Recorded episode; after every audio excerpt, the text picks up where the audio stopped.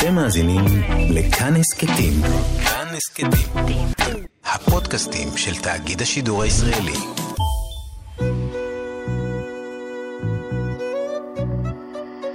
ליסה פרץ משוחחת.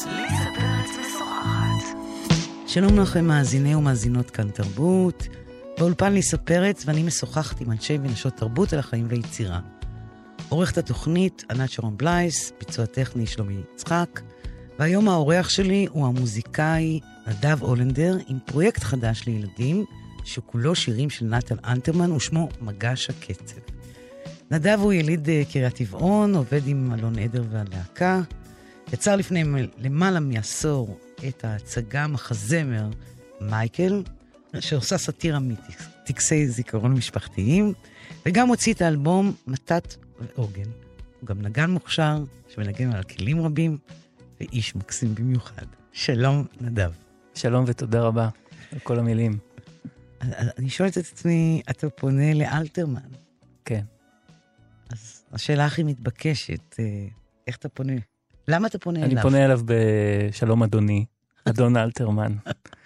אה, למה אני פונה אליו? זה הכל התחיל מפסטיבל הפסנתר. לפני שנה. אה, אפילו פחות, לפני... זה היה בתחילת נובמבר האחרון. מפיקת מופעים בשם עינת בסר, הוגה את הרעיון הזה של אלתרמן לילדים, ופונה אליי כדי שאני אצור את המופע.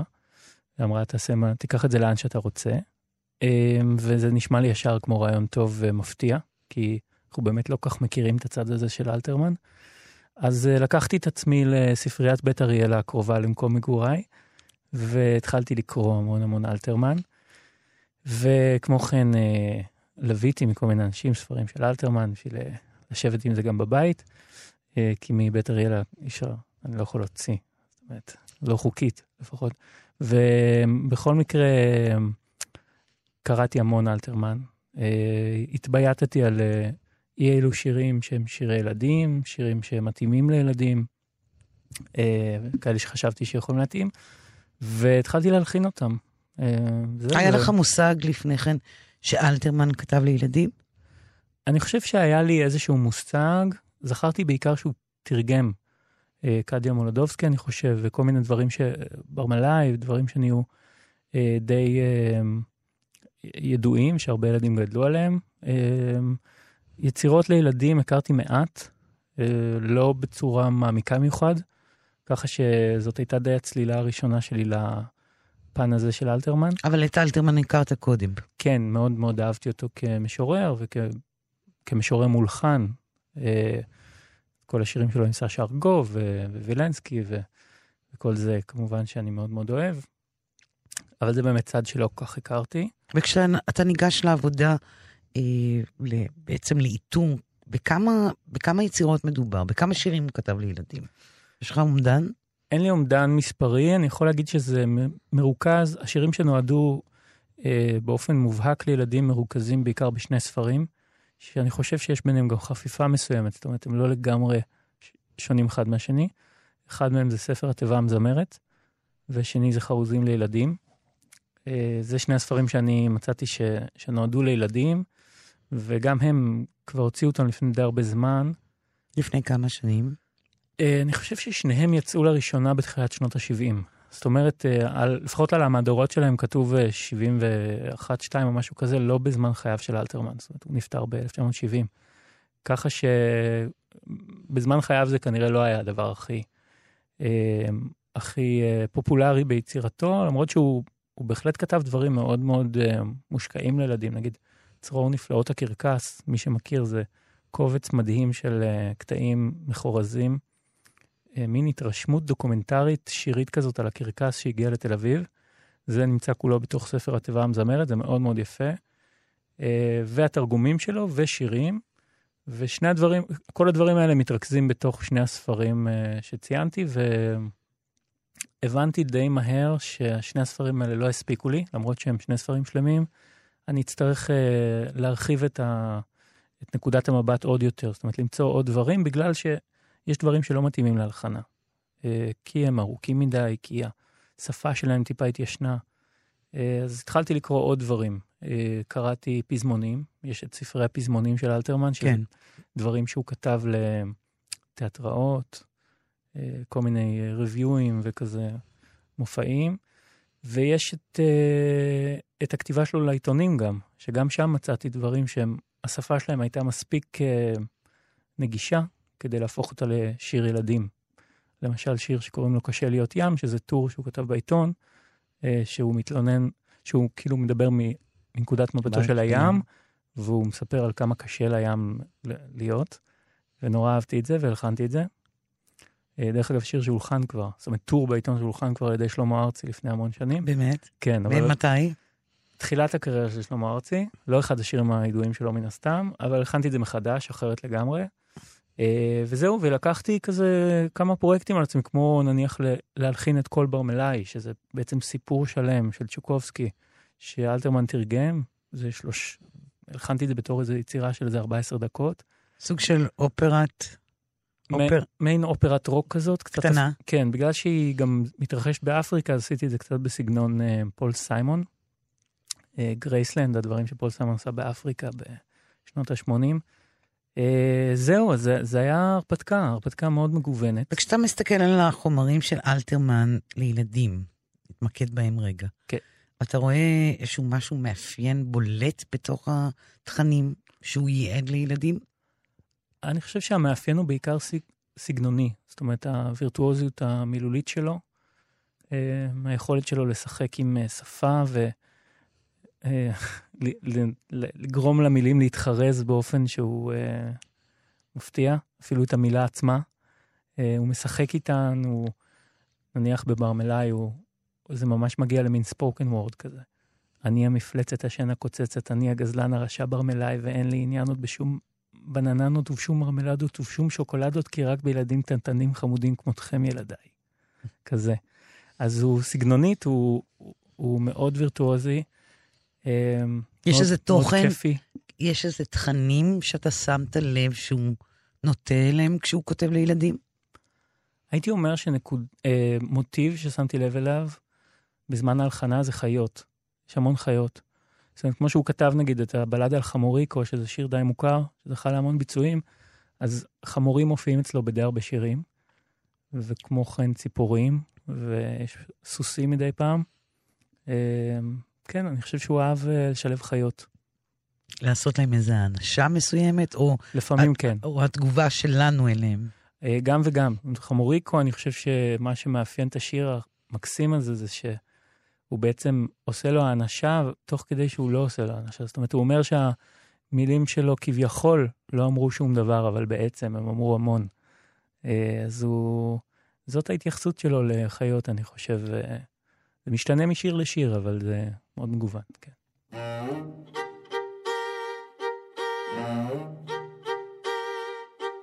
פעם חי פה סמוך לחולות, חמור גוץ בנתון קטון. ובקולו היפה צלצלו שני קולות טנור ליריים בס בריטון. לשונות עם לא עז לא ידעו, בידיעות מבריקות לא הפתיע, אך בלילה בלילה היה הוא מרים קול ומרעיד רקיע. המילים לא היו חשובות כביכול, כי נאה הוא רק איה איה, אך בזה הוא כאילו אמר את הכל. ובזה את הכל הביע. איה, איה, איה. עד הרחק עד קצווי רקיע, וזקנים מקיצים ורוטנים, יימח שמו זכרמו של שיעה, וישישות ונערות מקשיבות ואומרות, איזה קול יש לומר ממיה. כל היום הוא סחב עגלה שדילגה על גבי שוחות, ולאחר יום שלם של דילוג ודהירה, הישיע מוריד המושכות, והושיט הוא קליפות של תפוס לו, ואמר כך יכול זה מגיע, אין ספק שאתה לא קרוא אז היה החמור הקטן עושה קול ונוער איה איה איה. ובזה הוא כאילו אמר את הכל. ובזה את הכל הביע. איה איה איה. עד הרחק את קצווי רקיע וזקנים מקיצים ורודנים עם מחשמו זה חמור של שיעה ושישות ונרות מקשיבות ואומרות איזה קול יש לו מממיה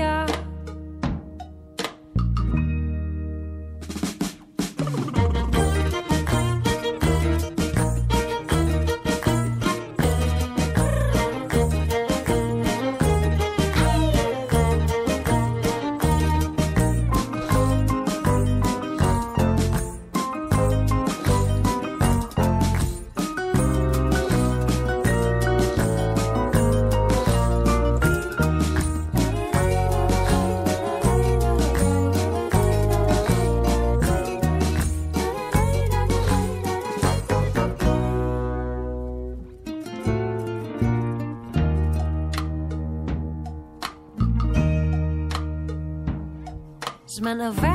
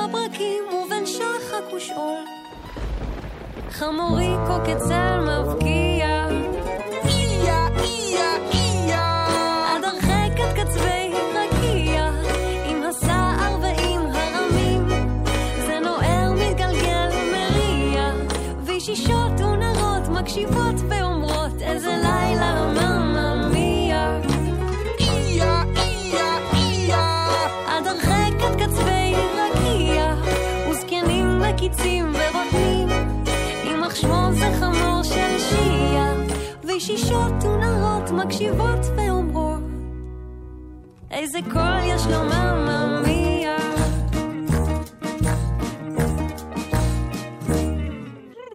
וכשאתה ניגש להלחין את השירים שבחרת, כן.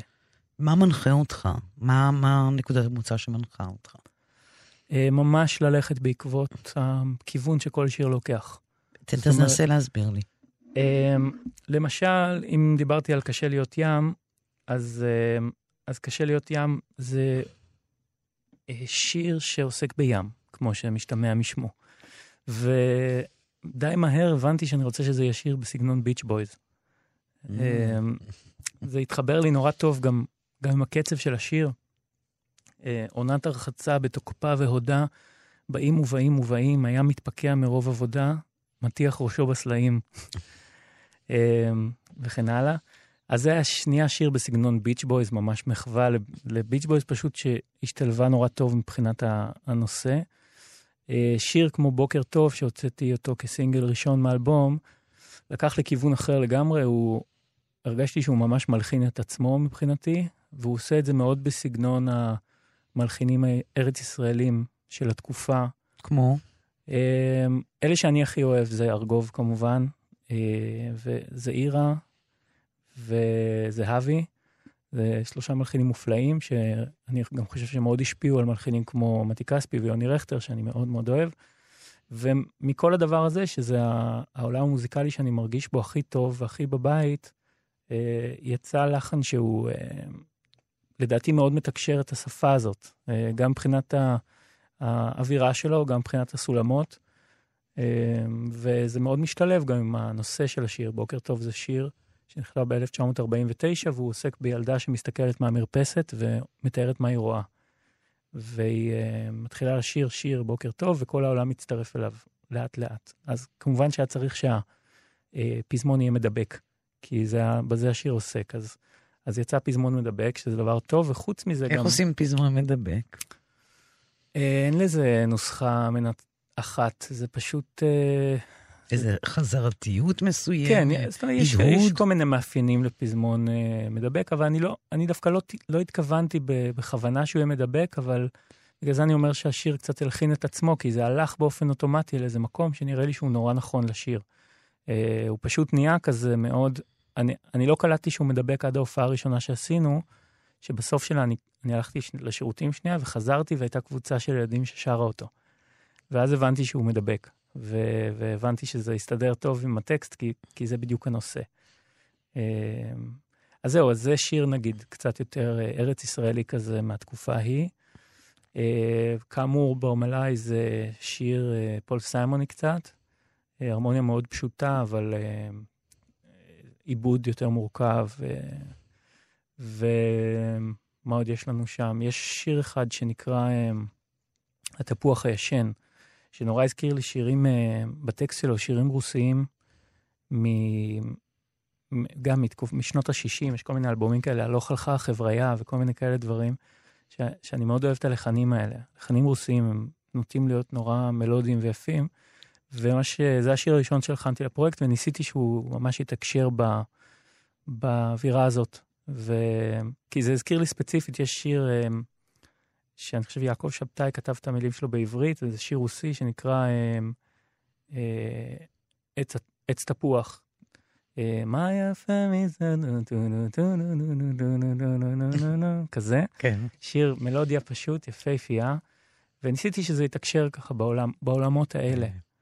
אה, וכשהתחלת להלחין את השירים האלה, לנגד עיניך או בתת ההכרה שלך הייתה, היו הילדים. באיזה מובן הם היו שם? לעשות את זה נגיש יותר, נהיר יותר, אה, קצבי יותר, אה, סוחף? עד כמה ילדים נוכחים היו בה בתוך העבודה הזו? אני מודה שמבחינת הלחנה הם לא היו נוכחים, פשוט כי אני מאמין ש... שכתיבה לילדים היא פשוט כתיבה. ואם אתה רוצה להלחין לילדים, אתה פשוט אה, צריך להלחין את זה יפה. זה ה... אה, זאת, זאת דעתי, ו... ואני מרגיש את זה גם מאוד באלבומי ילדים שאני אוהב. נניח מקשיבים, כמובן, כבש השישה עשר, שזה פשוט לחנים יפהפיים שהם... הילדה הכי יפה בגן הוא לא יותר שיר ילדים מכל שיר אחר. הוא פשוט שיר יפה נורא. ו... וככה ניסיתי, שזה פשוט יהיה מאוד יפה, ו... והילדים יבינו את היופי ויתחברו אליו.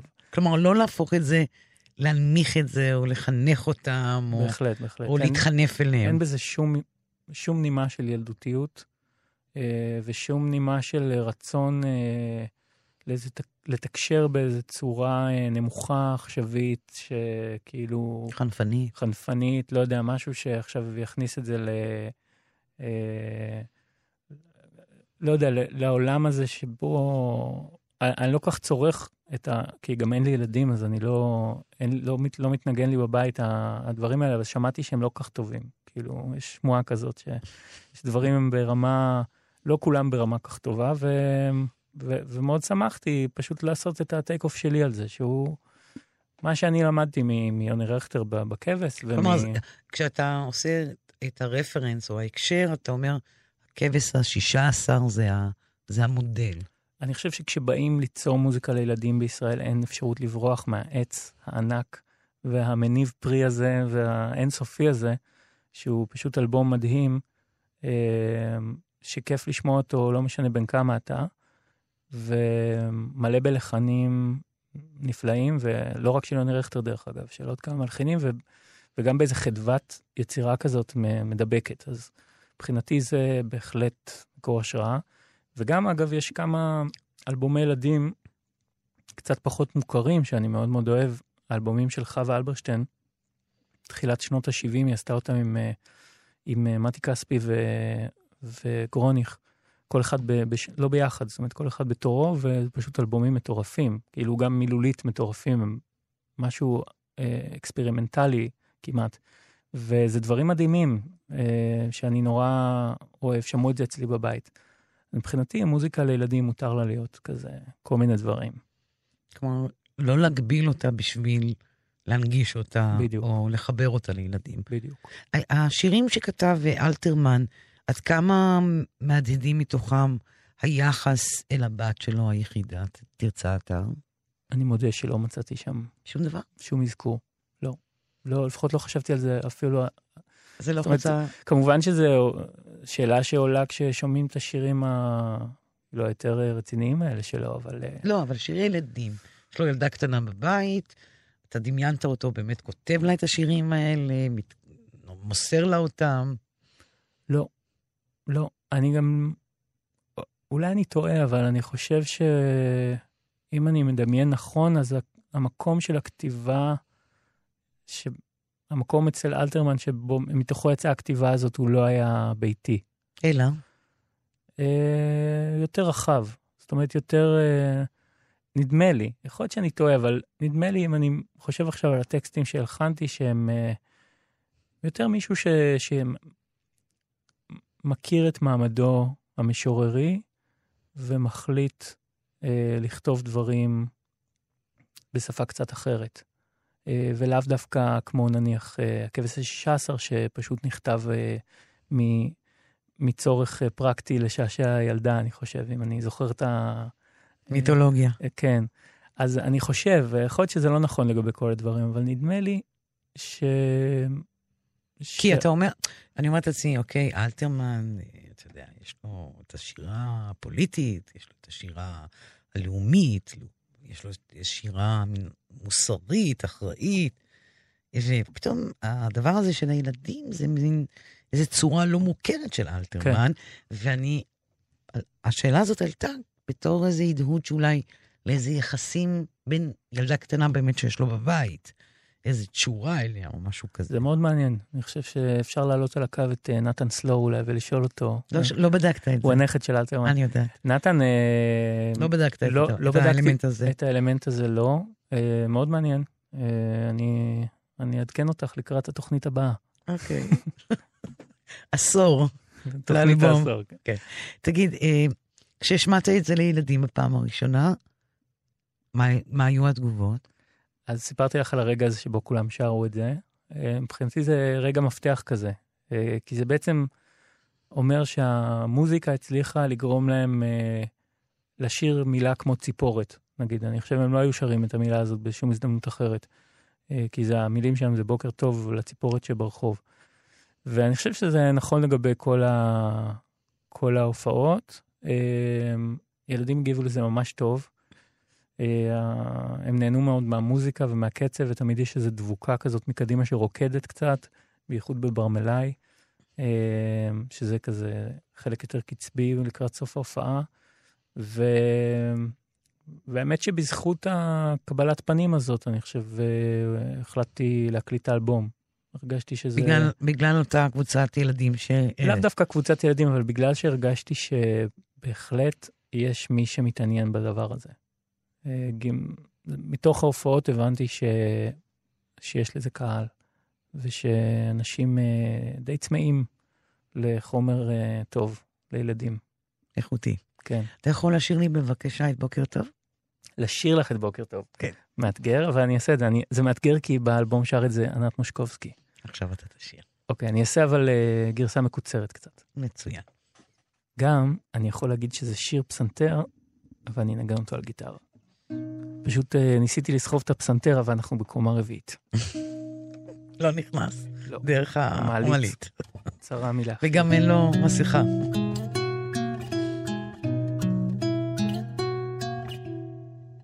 תאנה כזו זקנה מול ביתנו מתנודדת וציפור כזו קטנה בין בדיה מרקדת מזמרת הציפורת, האתון ברחוב נוערת, הרוכלים אורחים תזמורת, בקיצור ממש קונצרט.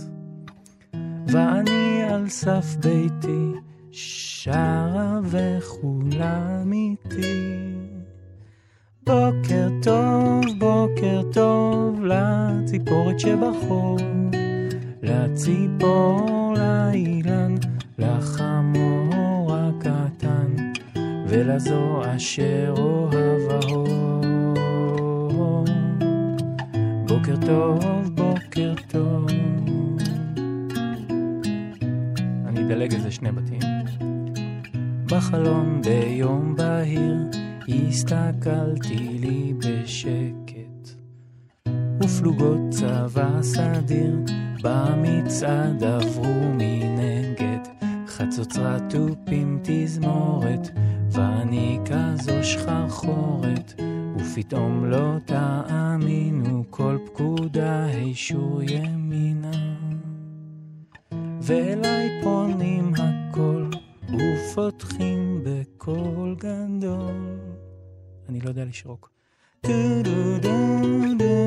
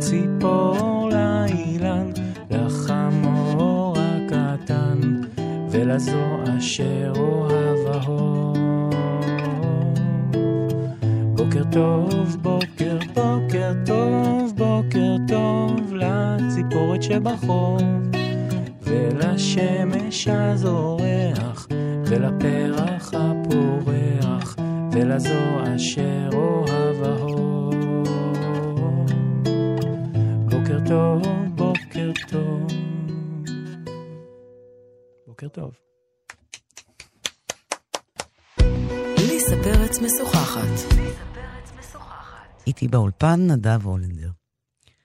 אני מתקשה אפילו להסביר אה, למאזינים שלנו עד כמה אתה... אה, איך להסביר את זה בכלל? כמה שדות אה, תעסוקה שלש, סלש תרבות אתה חולש. תעסוקה זו מילה גדולה לימי קורונה. אז בוא, בוא, בוא נתחיל. אה, גם קולנוע, גם מוזיקה, גם כתיבה, הלחנה. אה, מה עוד פספסתי? עיתונות בעברך. כן. Uh, יש לי בדיחה uh, טיפשית בנוגע לזה, שכל דבר שאני עושה, אז אם אני עושה אותו לא מספיק טוב, אני יכול להגיד, אה, אני, אני בכלל משהו אחר. כלומר, אתה יכול לדלג. אני יכול להאשים כל, כל פעם את, ה, את זה שאני לא, בעצם זה לא המקצוע שאני בעצם עושה משהו אחר. אה, ותיאטרון גם. אבל בעצם, אני חושבת שהליבה שה, זה מוזיקה וקולנוע?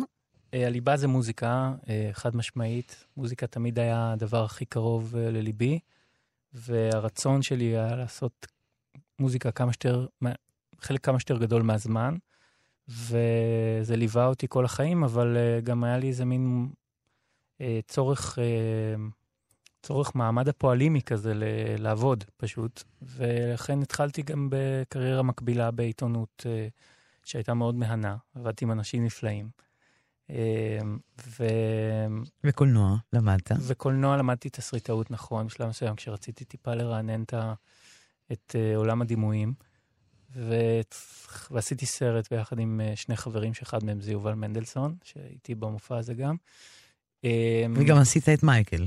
מייקל, uh, בעצם לפני בערך 12 שנים הצטרפתי לזה, כשזה היה עבודה קצרה עדיין, של 20 וכמה דקות. ואז ביחד הפכנו את זה להצגה, ומאוחר יותר לסדרת טלוויזיה. אז זה כבר המון שנים. אז אני שואלת רגע, את כל הדברים האלה, זה חוסר מנוחה, זה חוסר סיפוק, זה, זה משהו הוליסטי בכלל, כל הדברים האלה ביחד הולכים ביחד, מה מחזק את מה? זה שילוב של הכל. אני נוטה לחשוב בדרך כלל שאתה פשוט אתה, ומה שאתה עושה זה, זה פרי של מי שאתה, וזה לא כל כך משנה באיזה מדיום אתה יוצר את מה שאתה יוצר.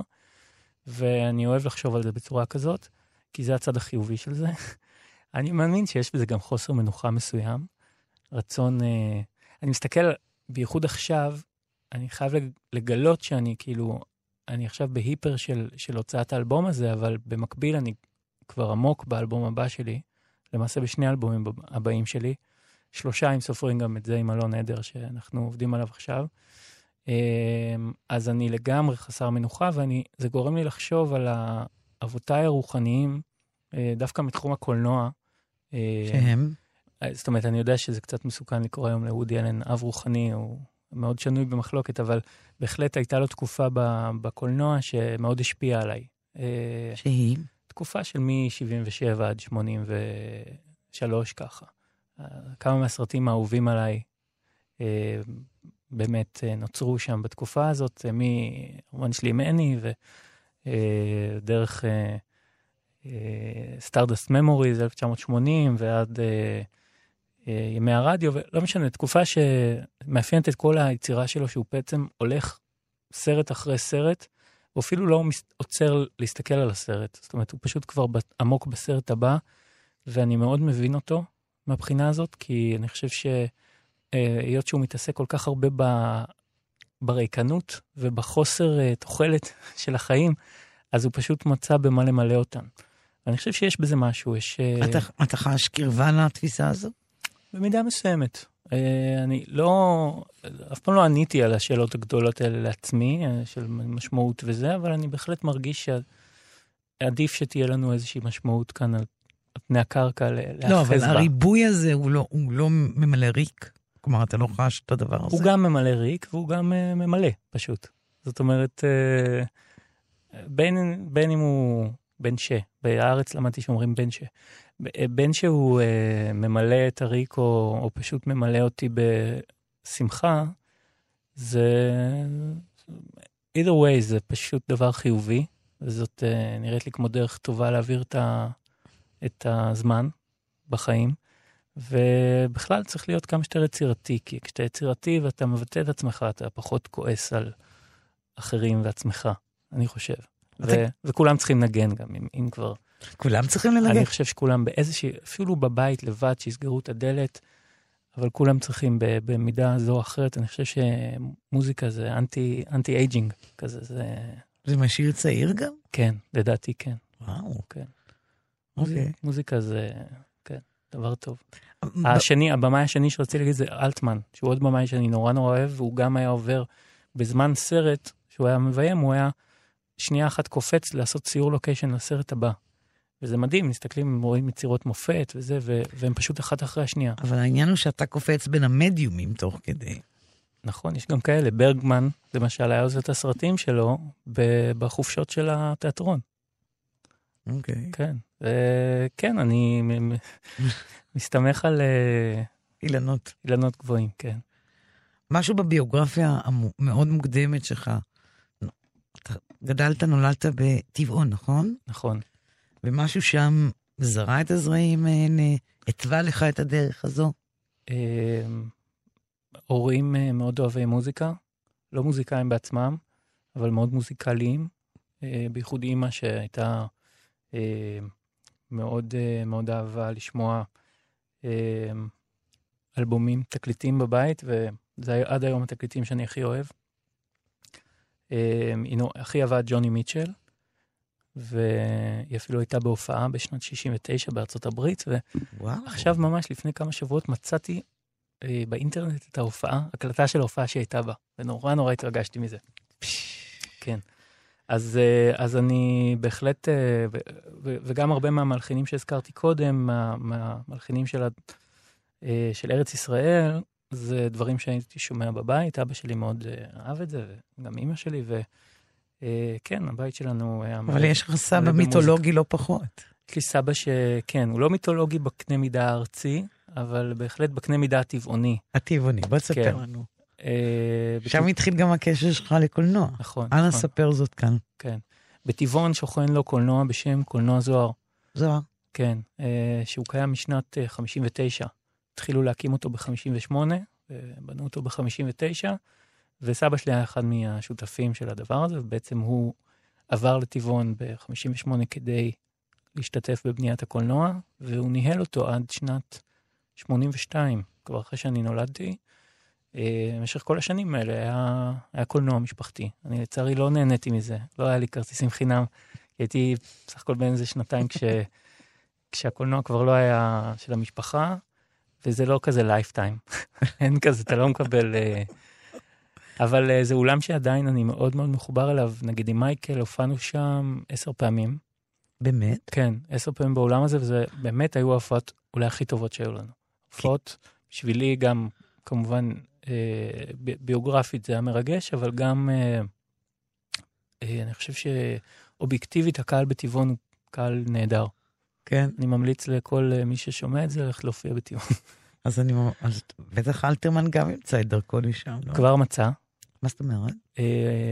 הופענו שם, בטבעון, בספרייה, שמנהלת אותה גם עיתונאית לשעבר בשם ריקה, שהיא עכשיו המנהלת של הספרייה, היא מאוד נדלקה על, ה, על הפרויקט הזה. ובוקר טוב, שזה השיר שעכשיו אה, יצא החוצה, זה בעצם אה, ביצוע הבכורה שלו היה שם בספרייה, אה, לפני כמה חודשים, ומאוד מאוד התרגשתי ש, ששם יוצא לי לנגן אותו בפעם הראשונה, כי, כי זה מקום שמאוד קרוב לליבי. כאילו מקום, ספרייה זה, זה כזה ממש ליד הקולנוע, וזה מקום שאימא שלי הייתה מתנדבת שם כל אה, שבוע ספר, ומקום שהייתי בתור ילד אה, לוקח ספרים שם ולפעמים מחזיר. אז אה, אלה האינקובטורים שלך באיזשהו אופן, כן. הקולנוע והספרייה הזו. כן, כן. הציר הזה שבין אה, הבית שלנו לספרייה, לאנדרטה, זה מקום המפגש של כל הבני נוער בטבעון, זה ממש ליד. אה, ו... והקולנוע זוהר. אה, כן, כן, זה מקום שעדיין אה, מאוד מאוד יקר לי, ואפילו יש לי שיר על אה, טבעון שתרגמתי, לקחתי את השיר של Take Me Home Country Roads, של ג'ון- דנבר, נדמה לי, ותרגמתי אותו לקחו אותי לטבעון. אתה יכול לשיר לי אותו? כן, אולי זה... אני ממש רוצה לשמוע אותו. אוקיי. קחו אותי לטבעון. האמת שזה קחו אותי לצפון. אה, זה מלא באזכורים לגמרי אה, טבעוניים. כלומר, טבעונים שומעים את זה והם הם יודעים על מה אתה מדבר. בזמן האחרון בשביל, אה, אני חושב, להבהיר את ההבדל בין אה, טבעון, טבעונים ואנשים מטבעון, אז קוראים להם טבעונאים. שמתי לב לזה בפייסבוק. זה כמו הדבוראים והקברנים. אז, אה, אז טבעונאים זה בשבילכם. כמו גן עדן בחנניה, או על הספסל ש... ספסל שבאנדרטה. טוב לנוח תחת עץ ישן, שם בלב הוואדי, להעביר את הזמן. קחו אותי לצפון, לדרכים של טבעון, לאנדרטה. ולוואדי, קחו אותי לצפון. חנויות כאן יש בשפע, לא צריך לנסוע עד לחיפה.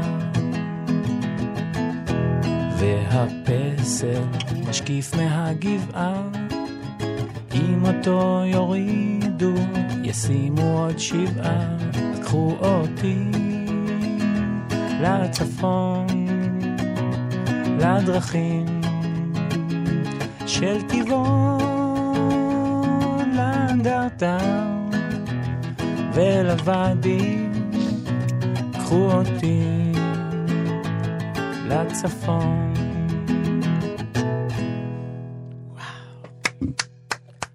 הפסל זה הפסל של אלכסנדר זייד, שמשקיף מהגבעה, ו... ואני שר, אה, אם אותו יורידו, ישימו עוד שבעה, כי, כי זה קרה, גנבו אותו. גנבו לפני, אותי. לפני כמה שנים גנבו את הפסל, ופשוט הניחו אחד במקומו. יותר יפה, פחות יפה? ממש זהה. אי אפשר לראות לי הוא אותו. נראה אותו דבר, יכול להיות שאני לא מספיק התעמקתי בקודם, אבל לא יודע- ירדת לרצף. זה, מרוב שזה נראה לך כזה יומיומי. זה איש על סוס בגדול. אגב, אשתו, ציפורה, הייתה באה לקולנוע של סבא שלי על סוס. וואלה, סיפור אמיתי, יש תמונה אפילו. כן. באמת. כן. זה אמור להיות ההמנון של טבעון. ממש. אני, אני, לרגע זה, זה היה, ואני מקווה ש... אני אשלח את זה לחבר'ה בטבעון, ואני מקווה ש... שהם, כן, שהם יקנו לזה איזשהו מעמד רשמי.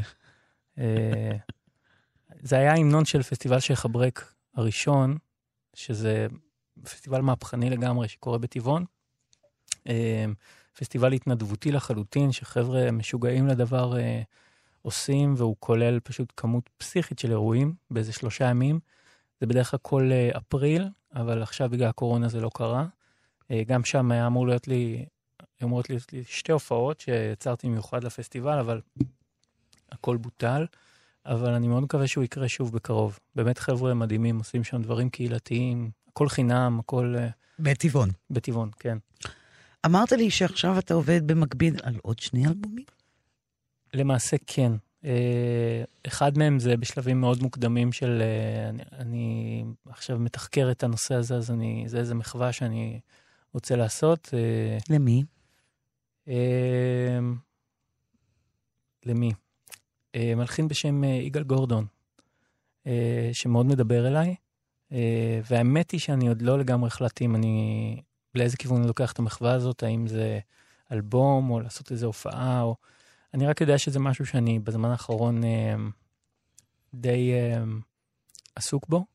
אה, מבחינת, אה, התחלתי לתחקר את זה, כמו אה, עורך טוב לשעבר, התחלתי אה, לדבר עם אנשים. מי זה יגאל גורדון? יגאל גור... כן, יגאל גורדון אה, נולד בשנת 1940, וב-79, בגיל 39, אה, הוא התאבד. ובין לבין הוא הספיק לכתוב כמה שירים, לא הרבה, לפחות לא הרבה שהתפרסמו, בסך הכל אה, משהו כמו שמונה, פלוס מינוס, וחלקם היו פשוט שירים יפים בצורה יוצאת דופן, שאנחנו מכירים גם, כמו אותך של אריק איינשטיין, שלישיית גשר הירקון, אה, ואחר כך אה, גוונים שהגבעת רון שרו, אה, שיר בשם כמעט, שנורית גלרון שרה, שיר בשם לו בת שחווה אלברשטיין שרה. בקיצור, שירים נורא נורא יפים, שכששומעים אותם פתאום נורא מעניין שיש חוט מקשר בין כל האנשים האלה, בין כל השירים האלה, וזה אותו מלחין. והוא- זה החוט המקשר. כן, והוא דמות נעלמת לחלוטין, אי אפשר למצוא עליו מידע, אז אני התחלתי לעשות איזה מין תחקיר כזה משלי, פשוט מתוך סקרנות איך הגעת. אליו? פשוט שמתי לב שזה שירים נורא יפים. אותך של אריק איינשטיין זה שיר שאני כבר המון זמן אה, נורא אוהב, אני חושב שזה אחת המנגינות הכי יפות במוזיקה הישראלית. אה, ו, ו, וזהו, ומשם התחלתי להתגלגל עם זה. אה, אז אני עכשיו כזה בודק מה, מה, מה בא לי לעשות, ואני יודע רק שאני רוצה לעשות משהו איתו, ואני יודע גם שזה יהיה בקרוב, כי, כי יש איזה מין קשר אה, מוזר כזה בין הגיל שבו הוא סיים את חייו לגיל שבו אני נמצא עכשיו, אה, 39, אנחנו בדיוק כאילו באותו גיל, וזה קצת אה, אפל כזה, אבל זה... כן, זה מאוד אפל. כן, אבל, אבל מצאתי בזה איזשהו חיבור מעניין, ובא לי... מה, אה, מה החיבור מלבד המלודי? אמ, אני מרגיש שהוא פעל ב...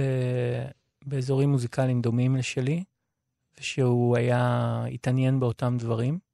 אה, אם אני שומע לגבי המלודיות שלו, כי בעצם על החיים שלו אני עדיין יודע מעט מאוד, אבל אמ, הוא פעל אה, באזורים אה, מוזיקליים דומים לשלי, ו... ואני אוהב את החשיבה שלו, גם ההרמונית וגם המלודית. ו... ובא לי לעשות עם זה משהו. אני גם מדי פעם אה, אוהב אה, להידבק ככה על איזה נושא וטיפה לצלול אליו. אה, גם אם אין, את יודעת, זה לא איזה משהו שאמור להיות אה, איזה להיט עכשיו או משהו כזה, אבל זה, זה מין פעולה שאני חושב גם יכולה לעשות טוב למורשת המוזיקלית שלו, אם אנשים פתאום אה, יחברו את, ה, את הנקודות האלה ויגידו, אה, זה אותו אחד הלחין את כל אלה. מה שהיום אף אחד לא, בעצם, אלא אם כן מישהו נבר בשירונט, אז רוב האנשים לא, לא יודעים שזה אותו אחד. ומה הפרויקט השני שלך? הפרויקט השני זה אלבום שאני התחלתי לעבוד עליו כבר לפני בערך שנה, אה, אלבום עם שירים שלי, שכתבתי את רובם תוך שבוע אחד, ומאז תכננתי שהוא יצא מאוד מהר, אבל uh, נסחפתי להרפתקאות uh, אומנותיות אחרות, כמו אלתרמן, ולכן שמתי אותו טיפה בצד, אבל אני מאוד מאוד רוצה לחזור אליו בהקדם. זה יהיה אלבום ש... שלי, מילים ולחנים שלי, ואני כבר יודע שיש שיר אחד שאני בדיוק מסיים להקליט אותו עכשיו, שאלי מגן ישיר. אלי מגן הזמר אהוב עליי ב- בישראל, ומאוד מאוד שמחתי שהוא הסכים לשיר uh, שיר. Um, ויש הופעה ראשונה עם דברים מהאלבום הזה ב-12 ליולי בלוונטין 7. זה היום הראשון של אה, פסטיבל פסנתר של לבונטין. הם עושים פסטיבל פסנתר משלהם, וזה היום הפותח, ההופעה הראשונה זה שמונה וחצי בערב, 12 לשביעי, ואני מארח שם את אלי מגן. אה, אז זה האלבום הזה, ובמקביל אה, גם אנחנו עובדים על העונה השנייה של מייקל הסדרה, שאמורה להצטלם מאוד בקרוב, ו... אלון עדר ולהקה, אנחנו כהרגלנו מוציאים די הרבה אלבומים, זה אחרי זה. אז יש אחד בפתח, שגם יש לי שני שירים באלבום הזה. באלבום הזה, אוקיי. אה, זהו. זה- אז אתה בעצם מדלג בין מייקל גורדון, אלבום, ממגן, אה, אלבום שבו שר גם מגן, כן, כן, אוקיי. לגמרי, ואלתרמן כמובן. כן. אני נורא אוהב uh, לעבוד מהבחינה הזאת. על דברים שאני אוהב, אני פשוט, uh, אני יכול לקום בבוקר, לקחת את הטלפון ולהתחיל uh, פשוט בו ברגע להיות uh, יותר מדי פרודוקטיבי. זאת אומרת, אני מתחיל לעשות המון הודעות ולכתוב כל מיני uh, טקסטים בפנקס רשימות בטלפון, וזקופות כאלה, שזה כאילו המוח כזה נורא מסתובב ו... ו- ויש הרבה אאוטפוט לדבר הזה, אז זה כיף.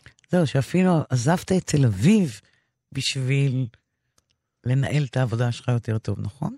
כן, אז עברתי לעין הוד, אה, עכשיו אני על הקו. בעצם, תל אביב ואין עוד. תל אביב ועין הוד, אבל אה, כן, אני נוסע לשם, ולפעמים עם כל הטבע המדהים שיש שם מסביב, אני יושב בבית וממקסס נגיד, אה, מול המחשב, אבל זה נורא כיף, כי... זו שקט- פעולה שקט נורא בחוץ. אורבנית. פעולה מאוד אורבנית, נכון. כן, אבל, אבל זה נחמד שמפעולה אורבנית כזאת אפשר לצאת ולחלוץ את העצמות שלך ב, ב, מול הים או בין הערים של הכרמל, זה מאוד כיף. בכלל כיף להיות בטבע. אז לפני שאנחנו מסיימים, אני רוצה שאתה עכשיו תבחר שיר נוסף מתוך אה, מגש הקצב, אה, ואיתו נסיים את התוכנית. יאללה. אז אני בוחר את השיר שנקרא התפוח הישן, שדיברתי עליו קצת קודם, זה השיר הראשון שהלחנתי לפרויקט הזה, וזה השיר היחיד באלבום שהחלטתי לשיר אותו לבד, מתחילתו ועד סופו, והוא הולך ככה. בין ענפים במיטה ירוקה, תפוח ישן, לא שינה מתוקה. תפוח ישן ולחייו אדומות, אין זאת כי טוב לו, כי טוב לו מאוד. ילד נשא את עיניו לאילן, גדול הוא העץ והילד קטן. אנה תישן התפוח הצל, קפוץ מן הבד אל ידי התגלגל.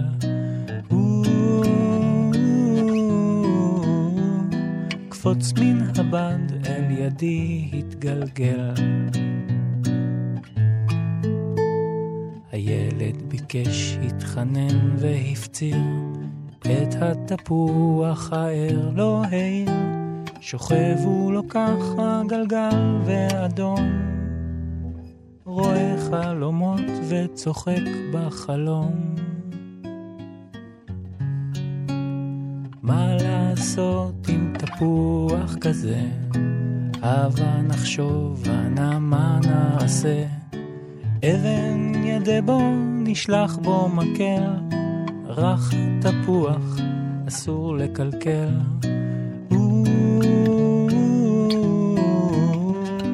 רך התפוח, אסור לקלקל.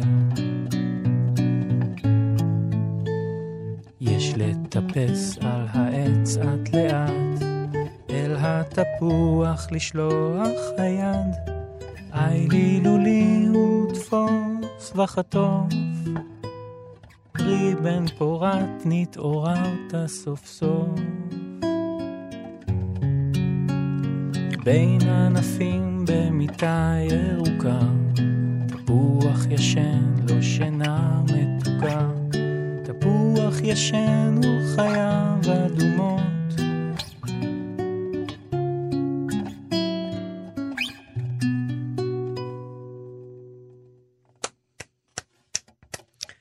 חשוב לציין שבפרויקט הזה אתה משתף פעולה עם המוזיקאי והמורה יובל מנדלסון, נכון, זכיתי. שגם הוא בתפקיד המספר, נכון? כן, בהחלט. ושרים איתך ענת אה, מושקובסקי נכון מאוד. ו- ורוני ולנר. נכון מאוד, ורוני מנגנת כלי הקשה, ומנגנים אה, המון המון נגנים אחרים. אה, מי שרוצה לשמוע את האלבום, אז הוא קיים בספוטיפיי, באפל מיוזיק, בנדקמפ, כל אלה, וגם יש אתר אינטרנט מיוחד שהקמתי. תודה לתקופת הקורונה שעזרה לי להקים אותו, אה, www.ecom.com, שיש בו את השירים ואת החוברת של האלבום והכול. נהדר. אז אני רוצה להודות על השיחה הנפלאה הזו, נדב. תודה רבה רבה לך, ליסה. תודה לך. עד כאן השיחה עם המוזיקאי נדב הולנדר, באולפן ניסה פרץ, עורכת התוכנית ענת שרון בלייס, טכנאי שלומי יצחק. אפשר להזין לתוכנית הזאת ולתוכניות נוספות שלי בדף העסקתיים של תאגיד השידור. תודה לכם ולהתראות.